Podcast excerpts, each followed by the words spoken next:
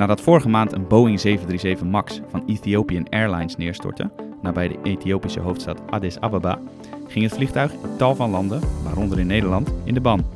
Boeing staat zwaar onder druk. In oktober stortte ook al een Boeing 737 MAX van Lion Air neer in zee, vlakbij de Indonesische hoofdstad Jakarta.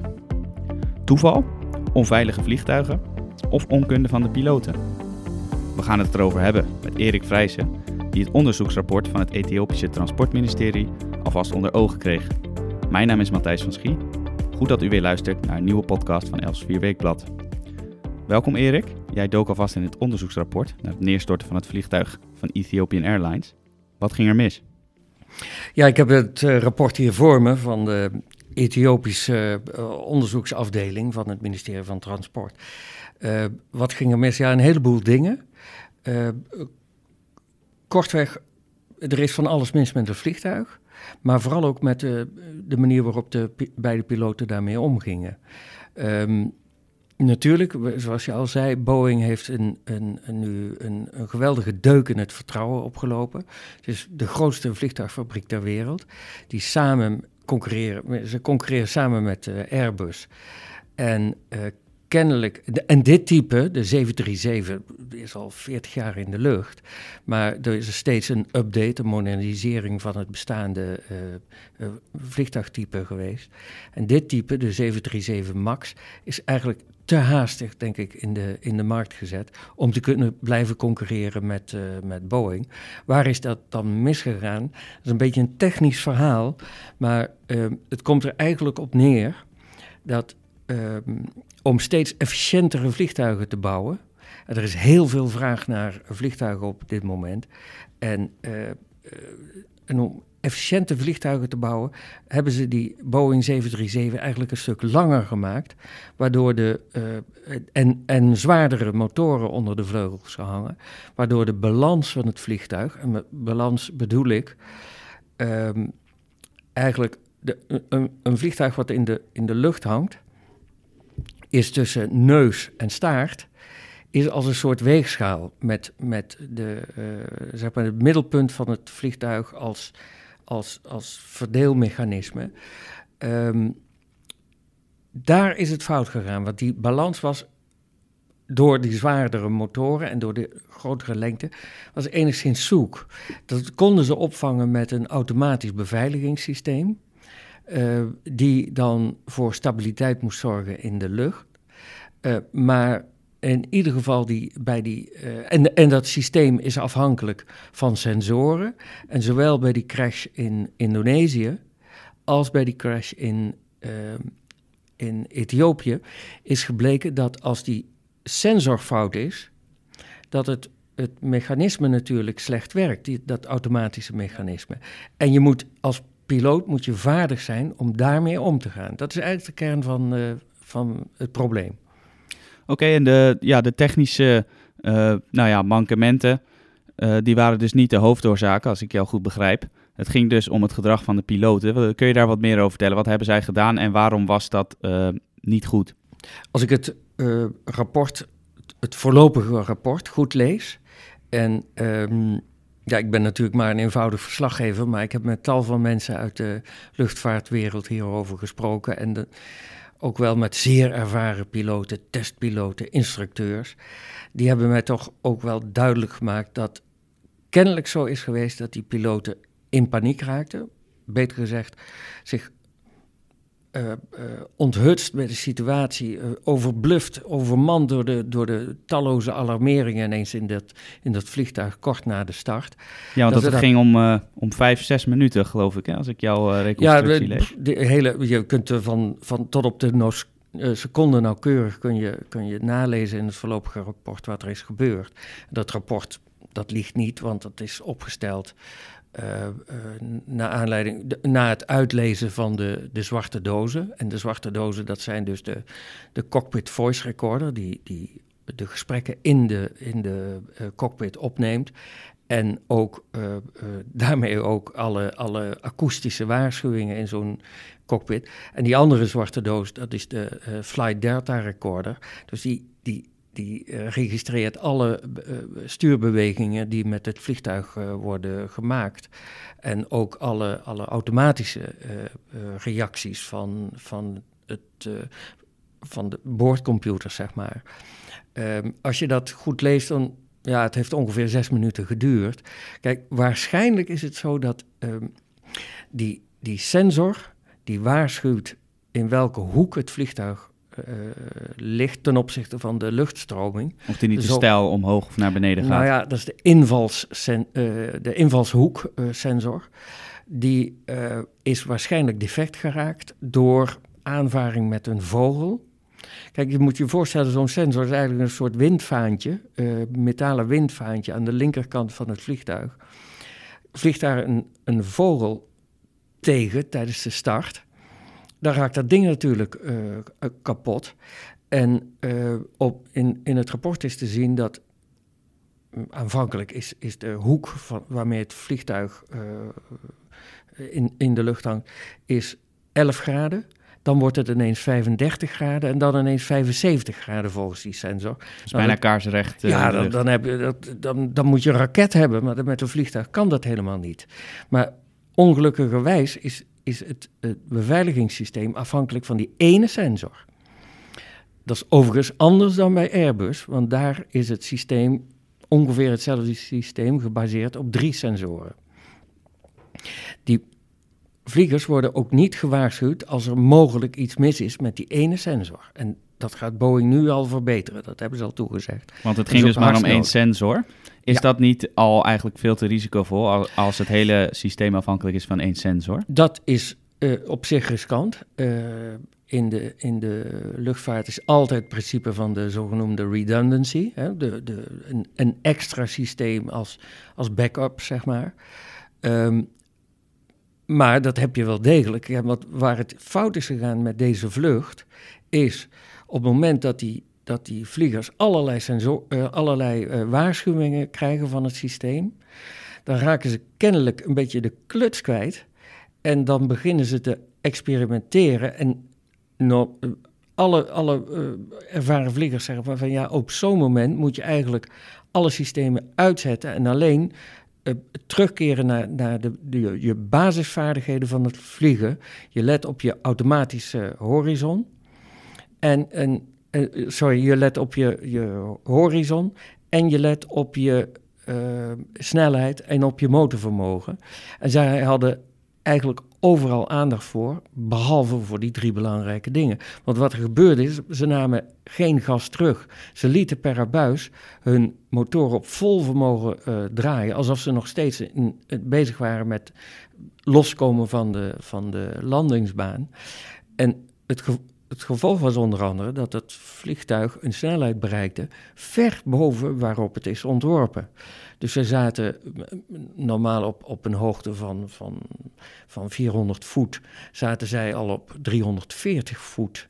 En, uh, 340 uh, knopen, dat is zeg maar een snelheid van, van uh, 600 kilometer ongeveer. Uh, daarna gingen ze nog overheen, over wat de limiet is. Normaal is het 250 knopen. En, en, uiteindelijk vlogen ze met een snelheid van meer dan 900 km per uur. En daarmee zijn ze uiteindelijk ook de grond ingeboord. Ja, met een flinke krater tot Ja, ze gingen naar de rand, gingen ze het wrak zoeken en die helikopterpiloten die, die konden niks zien. Die keken in het grond en hier moet hij ergens liggen. En uiteindelijk zagen ze een krater.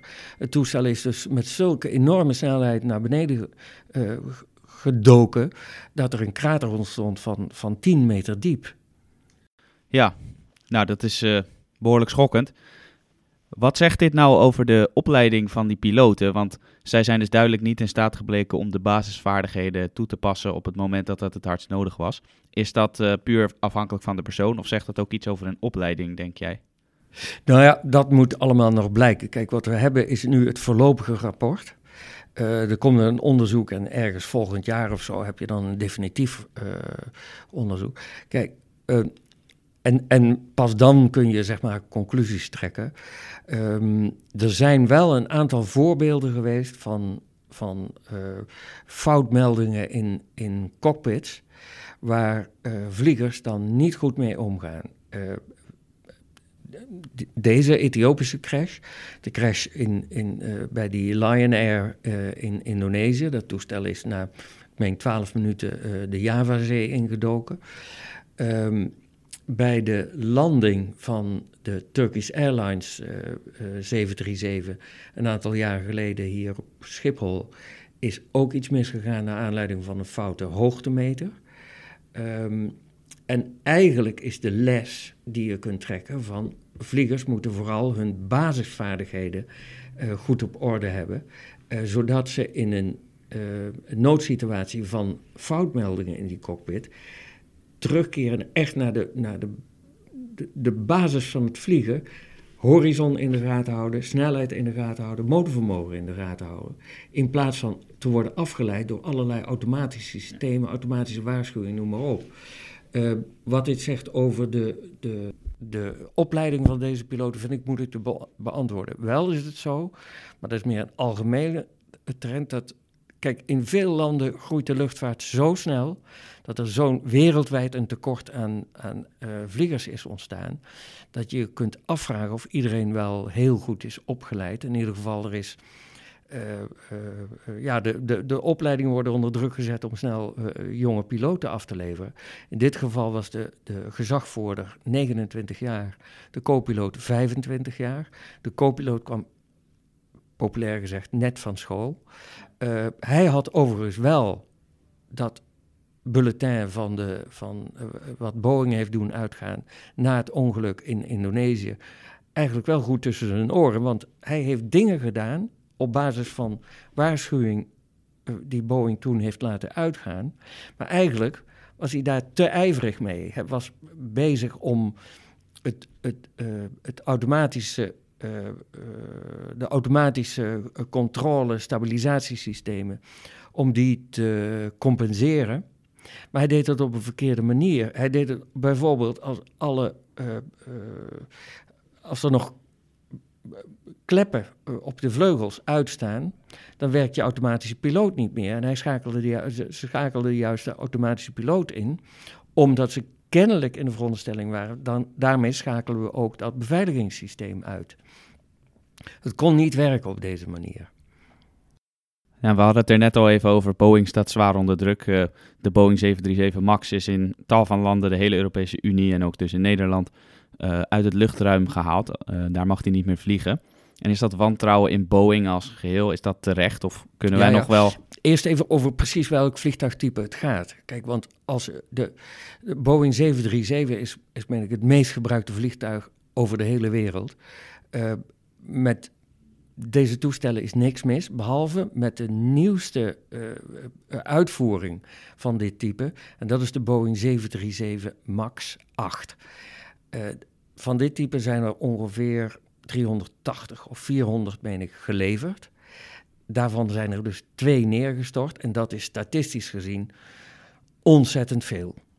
Dus niemand die in een Boeing stapt, hoeft, of een Boeing 737 stapt, stapt, hoeft zich ongerust te maken. Er wordt alleen maar veilig gevlogen en dit is een voorzorgsmaatregel. We halen zo lang uh, deze 737 MAX 8 halen we uit de lucht. En we houden hem aan de grond, omdat we elk minimaal risico willen, willen vermijden. Dus dit vertrouwen in Boeing heeft een, een, een knauw gekregen, omdat uh, dit toch eigenlijk wel wijst op een zekere haast waarmee het toestel in, in de, uh, op de markt werd gebracht, namelijk door dit beveiligingssysteem afhankelijk te maken van slechts één sensor in plaats van tenminste twee. Want het gekke is, aan de andere kant van die cockpit zit ook zo'n sensor, maar die wordt dan niet op die, op die, automaten aan, automatische beveiliging aange, aangekoppeld. Dat wijst op haast.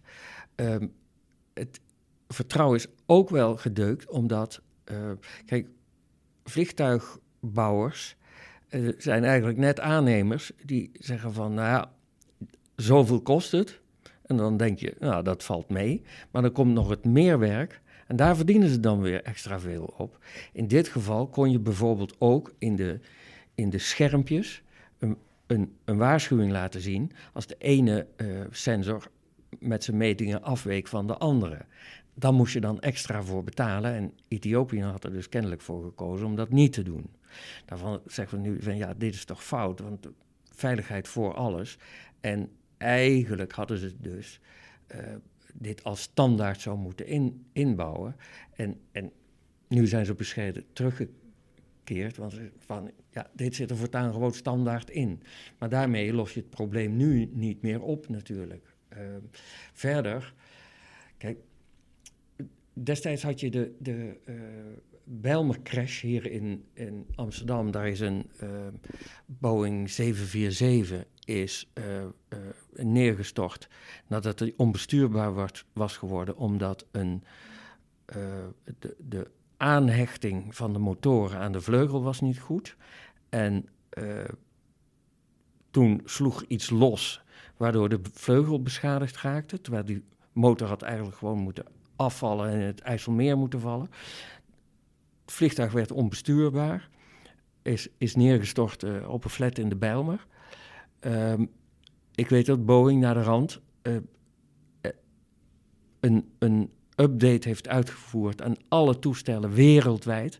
Nou, dat heeft ook miljarden gekost. Dus als het gaat om, om veiligheid is Boeing, en terecht natuurlijk, als, als grootste leverancier van de wereld, niet flauw. Daar, die kosten nemen ze echt wel uh, voor hun rekening. Uh, overigens is dat, ja, die miljardenoperatie. Uh, valt in het niet bij wat het ze nu al gekost heeft, zeg maar, aan, aan verlies van beurswaarde. Want wereldwijd zijn die, zijn die aandelen Boeing de afgelopen weken flink naar beneden gegaan. Ik meen dat is uitgerekend dat dat al eh, heeft geleid tot het verdampen van 30 of 40 miljard euro of, of dollars aan, aan beurswaarde. Uh, dus het gaat meteen om hele grote bedragen in deze wereld. Dus alle reden voor Boeing om uh, dit heel serieus te nemen. Dat doen ze ook, daar ben ja. ik van overtuigd. Nou, al met al uh, begrijp ik dus dat we toch wel met een gerust hart de vliegtuig van Boeing kunnen blijven instappen. Als u nou benieuwd bent geworden naar het volledige verhaal en met daarbij beelden, technische details en infographics over deze fatale vlucht, lees dan het volledige stuk in het nieuwe Elsevier Weekblad. Ik dank u hartelijk voor het luisteren. Tot de volgende keer.